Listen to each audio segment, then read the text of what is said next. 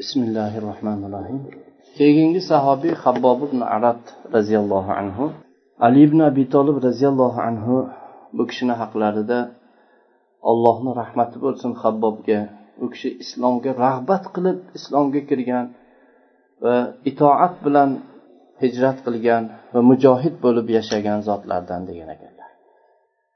Makka ahlidan umma ammor huzoiya degan bir ayol makkadagi qulfurushlar bozoriga bordi. U o'ziga bir qul sotib olishlikni xohlar edi uni xizmatidan foydalanib keyin uni mehnatidan daromad keltirishlik uchun bordi. Sotuvga qo'yilgan qullarni yuziga sinchiklab qaray boshladi. Shunda oxirida hali balog'at yoshiga yetmagan bir yosh bolani yana yosh bolani unda bir jasadida sog'lomlikni ko'rib yuzida ko'rinib turgan bir ulug'vorlik xislatlarini ko'rib uni sotib olishlikni ixtiyor qildi. Yana bu bolani sotib olishlikka uni undagan narsa shunday ulug'vorlikni ko'rganligi edi. Pulini berdi keyin uni olib uyiga qarab jo'nadi. Yo'lda ketayotgan vaqtda umma anmor bu yosh bolaga qaradi. Ey bola oting nima? dedi. Bu bola habbob dedi. Otangni ismi nima? Arab dedi. Sen qayerdansan? dedi. Men najd viloyatidanman dedi. Unda sen arabmisan dedi. Ha men bani tamim qabilasi. Yana najd viloyatidan bani tamim qabilasidan bir sharafli shunday oiladan edi. Bu ayol aytdiki bu qulfurushlar qo'liga makkadagi qulfurushlar qo'liga qanday tushib qolding dedi. Shunda aytdiki bizni mahallamizga arab qabilalaridan bir qabila jang qilib bostirib keldida hayvonlarni chorvalarni haydadi ayollarni asir oldi bolalarni asir oldi. Men shu bolalardan asir olinganlar ichida edim. Keyin men qo'lma qo'l bo'lib davom etib keldim hatto makkaga keltirildim. Mana endi seni qo'lingdaman dedi. Umma ammor bu o'zini qulini makkadagi temirchilardan biriga qilichsozlardan biriga berdi. Shu qilichsozlik kasbini unga o'rgatishlik uchun. Bu yosh bola bu kasbni bu hunarni nihoyatda tez o'zlashtirdi. Nihoyatda yaxshi puxta qiladigan bo'ldi. Chiroyli bu ishni bajaradigan bo'ldi u kishi. Endi habbobni bilaklari shunday quvvatli bo'lib qaddi qomatlari bu bunday ishda yaxshi baquvvat bo'lib ulg'ayuvdi. Umma ammor u habbobga bir do'kon ijara oldi. U kishiga asbob uskunalarni sotib olib berdi. Va bu kishini shu qilich yasashdagi mahoratidan ustaligidan keyin bu ummu ammor daromad keltira boshladi o'ziga. Habbobga bu ishni boshlaganlariga uzoq o'tmasdan makkada bu kishi juda mashhur bo'lib ketdi. Odamlar hammasi bu kishini qilichlarini sotib olishga kelardi. Bu kishida omonat sodiqlik va bu kasbni bu hunarni yaxshi bajarishlik mahoratlari bo'lganligidan bu kishini oldilariga kelardi.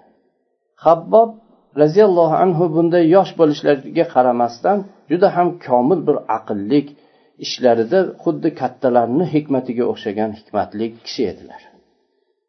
U kishi bu ishlardan bo'shagan vaqtda xoli o'zlarida o'zlari bilan o'zlari xoli qolgan vaqtda ko'pincha bunday butun fasodga oyog'ini tagidan to boshigini cho'qqisigacha fasodga botib ketgan bu johiliy jamiyat haqida atrofda bo'layotgan bu fasodlar haqida u kishi fikr qilar edi.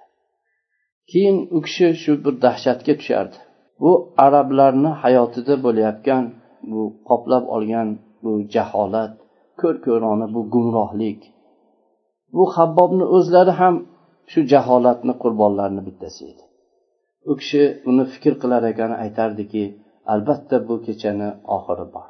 Bu qorong'ilik bu zulmatni tugashi bor bir kun deb va doimo uzoq bir hayotlari davom etib o'z ko'zi bilan bu zulmatni halokatini va bir nurni tug'ilishini nurni kelishini orzu qilib yashar edi habbobni kutishlari uzoq cho'zilmadi. U kishini qulog'iga yetdiki bani hoshim yigitlaridan bir yigitni og'zidan muhammad ibn abdulloh deb nomlangan kishini og'zidan shunday bir nur nur shu'lalari u kishini og'zidan chiqyapti degan xabar edi. U kishi shoshilib bordi rasululloh sollallohu alayhi vasallamdan eshitdi. U kishini so'zini go'zalligi va u kishidagi bu porloq nur habbobni shu lol qoldirib bu kishini qamrab oldi. Rasululloh sollallohu alayhi vasallamga qo'llarini uzatib ollohdan boshqa haq ma'bud yo'q deb guvohlik berdilar va muhammad sallallohu alayhi vasallam ollohni bandasi payg'ambari deb guvohlik berdilar. Va o'sha vaqtda yer yuzida islomga kirgan besh kishini oltinchisi bo'ldilar bu kishi. Hatto habbob roziyallohu anhuni haqlarida habbob islomni oltidan biri bo'lib bir vaqt yashagan deb aytiladi. Habbob roziyallohu anhu endi bu besh kishi olti kishi bo'lgan vaqtda hamma islomini sir tutgan kim musulmon bo'lganini hech kim bilmas edi u vaqt. Lekin habbob roziyallohu anhu u kishi islomini hech kimdan sir tutmadi. Buni xabari tez bu ummu ammorga ham yetdi. U g'azabga to'lib achchiqdan yonib o'zini akasi sibo ibn abdul uzzoni oldiga bordi. Keyin bularga huzoa qabilasidan bir jamoa qo'shildida hammalari habbobni oldiga bordilar. Borsalar u kishi o'zini ishi bilan mashg'ul holatda topdilar. Shunda sibo habbobga qaradi. Aytdiki bizga sen haqingda bir xabar yetdi biz ishonmadik tasdiqlamadik. Habob aytdilarki nima xabar ekan u? Sibo aytdiki sen bu dindan chiqibsan bani hoshimni bu bolasiga ergashibsan degan xabar bor dedi. Habbob nihoyatda orom turib pinagini buzmay deydiyu shu pinagini buzmay turib aytdiki men dindan chiqqanim yo'q dedi. Men sheriksiz yolg'iz tanho ollohni o'ziga iymon keltirdim dedi. Va sizlarni butinglarni tark qildim dedi. Va muhammad sollallohu alayhi vasallam ollohni bandasi ollohni payg'ambari deb iymon keltirdim guvohlik berdim. Bu so'zlar habbobni so'zlari siboni qulog'iga yetar yetmas u bilan birga kelgan qavmini qulog'iga yetarkan ular hammalari habbobga tashlandilar. Qo'llari bilan urib oyoqlari bilan tepib qo'llariga kelgan narsa bilan bolg'a bormi shu temirxonada temirchixonadagi temir bo'laklari bilan habbobni ura boshladilar. Habbob tamom hushlarini yo'qotib hushsiz bo'lib yerga yiqildilar qonga belangan butun vujudlaridan qon oqib turar edi. Habbobni o'zini xo'jayini bilan bo'lib o'tgan bu xabar xuddi quruq xashakka o't ketgandek makkada shunday yoyilib ketdi. Hech parvo qilmabdi. Bularni butini tahqirlatdi. Bularni hech mensimabdi hech pinagini buzmasdan o'zini musulmon bo'lganligini aytibdi degan shu xabar yoyilib ketdi. Odamlar habbobni jur'atidan lol qolishdi. Ular oldin muhammad sallallohu alayhi vasallamga ergashganlarni birortasi odamlarni oldida bunday turib mana bunday sarohat dangallik bilan nima qila olasan? degan so'z bilan islomini e'lon qilganligini hali hech kim bilgan emasdi. Qurashning kattalari bu habbobni ishidan ular ham beqarorlikka tushdi. Ularni qalbiga keldiki bu bir temirchi umma ammorni quli bo'lgan temirchi. Uni himoya qiladigan qarindosh urug'i yo'q. Uniga joy beradigan o'zini qaramog'iga oladigan bir aqrabolari yo'q. Qavmi yo'q uni. Hech kimi yo'q odamni jur'ati butun bu o'zini xo'jayinini qurayshlarni e, makkaliklarni saltanatiga qarshi chiqishlik darajasiga yetib bordimi? Va ularni olihalarni ochiq haqorat qilishga. Bu kar ko'r butingni tashladim dedi. Va ota bobolar dinini tahqirlashga shunday jur'at qildi. Qurayshliklar aniq ishondiki bu kunni ertasi ham bor. Yani bunday boshlangan bu bilan tugamaydi dedi. Qurashlar bu kutayotgan narsasida xato qilmagan edi. Habbob roziyallohu anhuning jur'atlari o'zlarini sheriklaridan ko'pchilikni ilhomlantirdi. Ularni g'ayratlarini qo'zg'adi va ular ham islomlarini e'lon qildilar. Va haq so'zini bittama bitta ular har birlari birin ketin hammalari ochiq e'lon qildilar musulmon bo'lganlar. Kaba oldida quraysh sayidlari yig'ildi. Abu sufyon ibn harb valid ibn mug'ira abu jahl ibn hishom ular yig'ilib muhammad sallallohu alayhi vasallamni ishlari haqida suhbat qilishdi. Va rasululloh sollallohu alayhi vasallamni bu ishlari har kuni ziyoda bo'lib kundan kunga katta bo'lib ketayotganligini soatma soat bu yoyilib ketganligini ular ko'rdilar.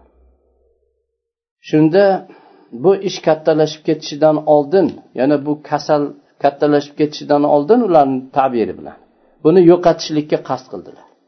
Va har bir qabila o'zini qo'lida o'ziga qaram bo'lganlarga qarshi turishlikka qaror qildilar. Va ularga azob berish yo dinlaridan murtad bo'lib qaytgunlarigacha yoki o'lgunlarigacha azob berishlikka qaror qildilar. Shunda bu umma ammorani akasi sibo ibn abdul uzzoga habbob roziyallohu uni azob berishlik mas'uliyati siboga uni qavmiga yuklandi ular nihoyatda issiq qattiq bo'lgan vaqtda quyosh nuri yerda shu alangalangan vaqtda habbob roziyallohu anhuni makkani qumliklariga olib chiqib turib u kishini tamom kiyimlarini yechib olib ustilariga temir sovutlarni kiygizishar edi. O'sha qattiq issiqda va u kishidan suvni man qilishar edi. Habbob roziyallohu anhu juda qattiq hech bir qiynoqni hech bir zarrasi qolmasdan u kishi qattiq bir mashaqqatda qiynalardi. Keyin u kishiga kelib aytardiki muhammad haqida nima deysan? Kishi aytardiki u kishi ollohni bandasi va rasuli. Bizga hidoyat va haq dinni olib keldi. Bizni bu bo'lib turgan zulmatlardan nurga chiqarishlik uchun shu haq dinni olib keldi deb aytar edi. Yana ko'p urishar edi tepishar edi. Loti uzzolar haqida nima deysan deyishadi edi loti uzzo bir kar gung foyda zarar berolmaydigan bir but deb aytar edi qizitilgan toshlarni olib kelib u kishini orqasiga yopishtirishar edi shu holatda qoldirar edi hatto shu yelkalarini yog'i erib chiqaradi. Ummi ammora ham bu xotin bu kishini xo'jayinlari bo'lgan xotin habbobga azob berishda toshbag'irlikda akasi sibodan qolishmas edi. Bir kuni rasululloh sollallohu alayhi vasallam habbob roziyallohu anhuni do'konlari oldidan o'tib ketib turib habbob bilan gaplashganlarini ko'rib qoldi. Tamom es hushini yo'qotdi bu jinni bo'lib qoldi bu ayol. Va har kuni habbobga kelar edi. Qizitilgan bu bozg'onni ichida qizitilgan temir parchalarini olardi va habbobni boshlariga uni qo'yardi. Boshlari tutab keyin habbob hushdan ketib yiqiladi. Va habbob roziyallohu anhu doim bu ayolga va uni akasi siboga duoibat qilardilar. Rasululloh sollallohu alayhi vasallam ashoblariga madinaga hijrat qilishlikka ruxsat bergan vaqtlarida habbob ham ketishga tayyorgarlik ko'rdilar. Lekin u kishi makkadan qimirlamay turdilar. Alloh taolo u umma ammorga qilgan bu kishini duolarini ijobat qilganligidan keyin ketdilar u kishi. Ummu ammora bir qattiq bosh og'rig'i bilan musibatlandi. Bunga o'xshashi buni og'rig'iga o'xshagani ilgari hech eshitilmagan edi. U og'rig'ini qattiqligidan xuddi itlar uvillaganga o'xshash uvillar edi chinqirardi. Uni farzandlari hamma yerdan tabib izlab ko'rdilar.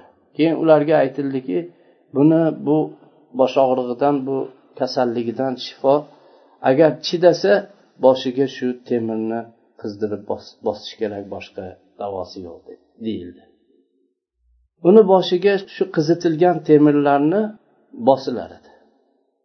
Bu temirni og'riqlaridan u yondirgan vaqtda bu boshidagi bosh og'rig'ini og'rig'ini alamini ozgina u o'shandan yengil tortaradi ya'ni habbob roziyallohu anhuga azob bergan narsa bu azob uni azobdan qutqazadigan ozgina yengil tortadigan davoga aylandi. Habbob madinaga hijrat qilib ketgandan keyin madinadagi ansorlar himoyalarida endi uzoq vaqt mahrum bo'lgan rohat ta'mini ozodlik hurriyat ta'mini tota boshladilar. Va payg'ambar sollallohu alayhi vasallam bilan hech o'rtada to'siq bo'lmasdan hech bulg'ovchi bulg'amasdan u kishi bilan birga bo'lishlik yaqin bo'lishlik bilan ko'zlari quvondi. Rasululloh sollallohu alayhi vasallam bilan badr jangida birga bo'ldilar. Rasululloh sollallohu alayhi vasallam bayroqlari ostida jang qildilar. Rasululloh sollallohu alayhi vasallam bilan birga uhudga chiqdilar. Uhud jangiga chiqqanda bu sibo ibn abdul uzzoni umma ammorni akasini ko'rishlik bilan olloh u kishini ko'zini e, quvontirdi. Yana bu sibo ollohni sheri hamzaturni abdul muttalibni qo'llarida bo'lgan halokatiga yo'liqqan edi. Hamza roziyallohu anhu o'ldirgan edi. Keyin habbob roziyallohu anhu uzoq yashadilar. Rasululloh sollallohu alayhi vasallamni to'rt bu xulafoi roshidinlari hammalarini bilan birga bo'ldilar. Ularning rioyalarida qadrlari ulug' bo'lib zikrlari mashhur bo'lib umr kechirdilar. Bir kuni umar ibn hattob roziyallohu anhuning xalifalik davrlarida umarni oldilariga kiruvdilar. Umar roziyallohu anhu u kishini to'rga o'tkazdilar va u kishini shu hurmat qilib o'zlariga yaqin qilishda juda mubolag'a qildilar. Aytdilarki bu o'ringa bu majlisga biloldan boshqa sizdan ko'ra haqliroq hech kim yo'q dedilar. Keyin umar roziyallohu anhu mushriklar ozorlaridan azoblaridan eng qattiq bu kishi yo'liqqan azobni aytib berishni so'radilar. U kishi shu javob berishdan ikkilanib ozgina hayo qilib turdilarda turdilar. Umar roziyallohu anhu juda qattiq turib oluvdilar keyin orqalaridan shu ridolarini ochib orqalarini ko'rsatdilar. Umar roziyallohu anhu bu ko'rganlaridan shunday seskanib nafratlandilar. Bu qachon bunday bo'ldi qanday bo'ldi bu dedilar. Habbob aytdilarki mushriklar menga o'tin to'plab yoqishar edi bu hammasi qip qizil cho'g' bo'lgan vaqtda meni tamom kiyimimni yechib olib keyin shu cho'g'ni ustida meni yurg'izishardi ishqalashardi. Hatto shu orqamdagi go'shtlar pishib tushib tushib qolar edi va bu o'tni meni badanimdan chiqqan suv o'chirar edi habbob roziyallohu anhu hayotlarini avval faqir edilar keyingi yarmida keyingi pallasida u kishi boy bo'ldilar. Faqirlikdan keyin boy bo'ldilar. U kishi xayoliga kelmagan oltin kumushlarga ega bo'ldilar. Lekin u kishini o'zini bu dunyosini tasarruf etishligi hech kim kutmagan bir uslubda hech kimni xayoliga kelmagan bir uslubda tasarruf qiladilar u kishi o'zlarini pullari dunyolarni hammasini to'plab uylaridan bir joyga qo'yar edilar. Shu faqir miskinlardan hamma biladigan bir joy bor edi shu yerga qo'yib qo'yardilar. Uni hech bir bog'lab yoki bir qulf solib mahkam qilmagan shunday ochiqqa qo'yib qo'yardilar. E, faqirlar kelib bu kishini hovlilaridan hech kimdan so'ramasdan izn olmasdan qancha ehtiyojlari bo'lsa olib ketaveradilar mana shunday dunyolarni shu holatda sarflashlik bilan birga bu kishi bu dunyoga hisoblanishlikdan juda qattiq qo'rqar edilar va shu dunyo sababidan azobga duchor bo'lishdan qo'rqadilar u kishini sheriklaridan bir jamoa gapirib aytadilarki habbobni oldiga shu umrini oxiridagi o'lim to'shagida yotgan vaqtida u kishini oldiga kirdik. Shunda habbob aytdilarki mana bu joyda meni sakson sakson ming dirham pulim bor. Allohga qasamki men bunga bir ip ham bog'laganim yo'q. Hech uni mahkamlamadim shunday tashlab qo'ydim. Hech biror bir so'rab kelganni undan men mahrum qilmadim deb keyin yig'ladilar. U ko'rgani kelganlar nimaga yig'layapsiz? dedilar. Habbob roziyallohu anhu aytdilarki men yig'lashim sababi meni sheriklarim ular o'tib ketdilar. O'zlarini ajr mukofotlariga bu dunyoda hech narsaga yetishmadilar. Men qolib ketdim. Va mana bu dunyoga erishdim men endi bundan bu amallarga savobni shu yerda bo'lib qolganligidan qo'rqaman dedilar. Habbob dunyodan hayotdan ko'z yumib robbilari tarafiga yetishib olgan vaqtlarida amirul mo'minin ali ibn abi tolib roziyallohu anhu kishini qabrlarida turib olloh habbobni rahmat qilsin rag'bat qilib islomni qabul qilgan edi itoat qilib hijrat qilgan edi mujohid bo'lib yashagan edi alloh taolo solih yaxshi amal qilganlarni ajrini zoya qilmaydi dedilar alloh taolo rozi bo'lsin alloh subhanava taolo bu dunyoda chekkan mehnatlari azoblarini evaziga o'zini ko'p rahmatlarini mukofot qilib bersin سبحانك اللهم بحمدك أشهد أن لا إله إلا أنت أستغفرك وأتوب إليك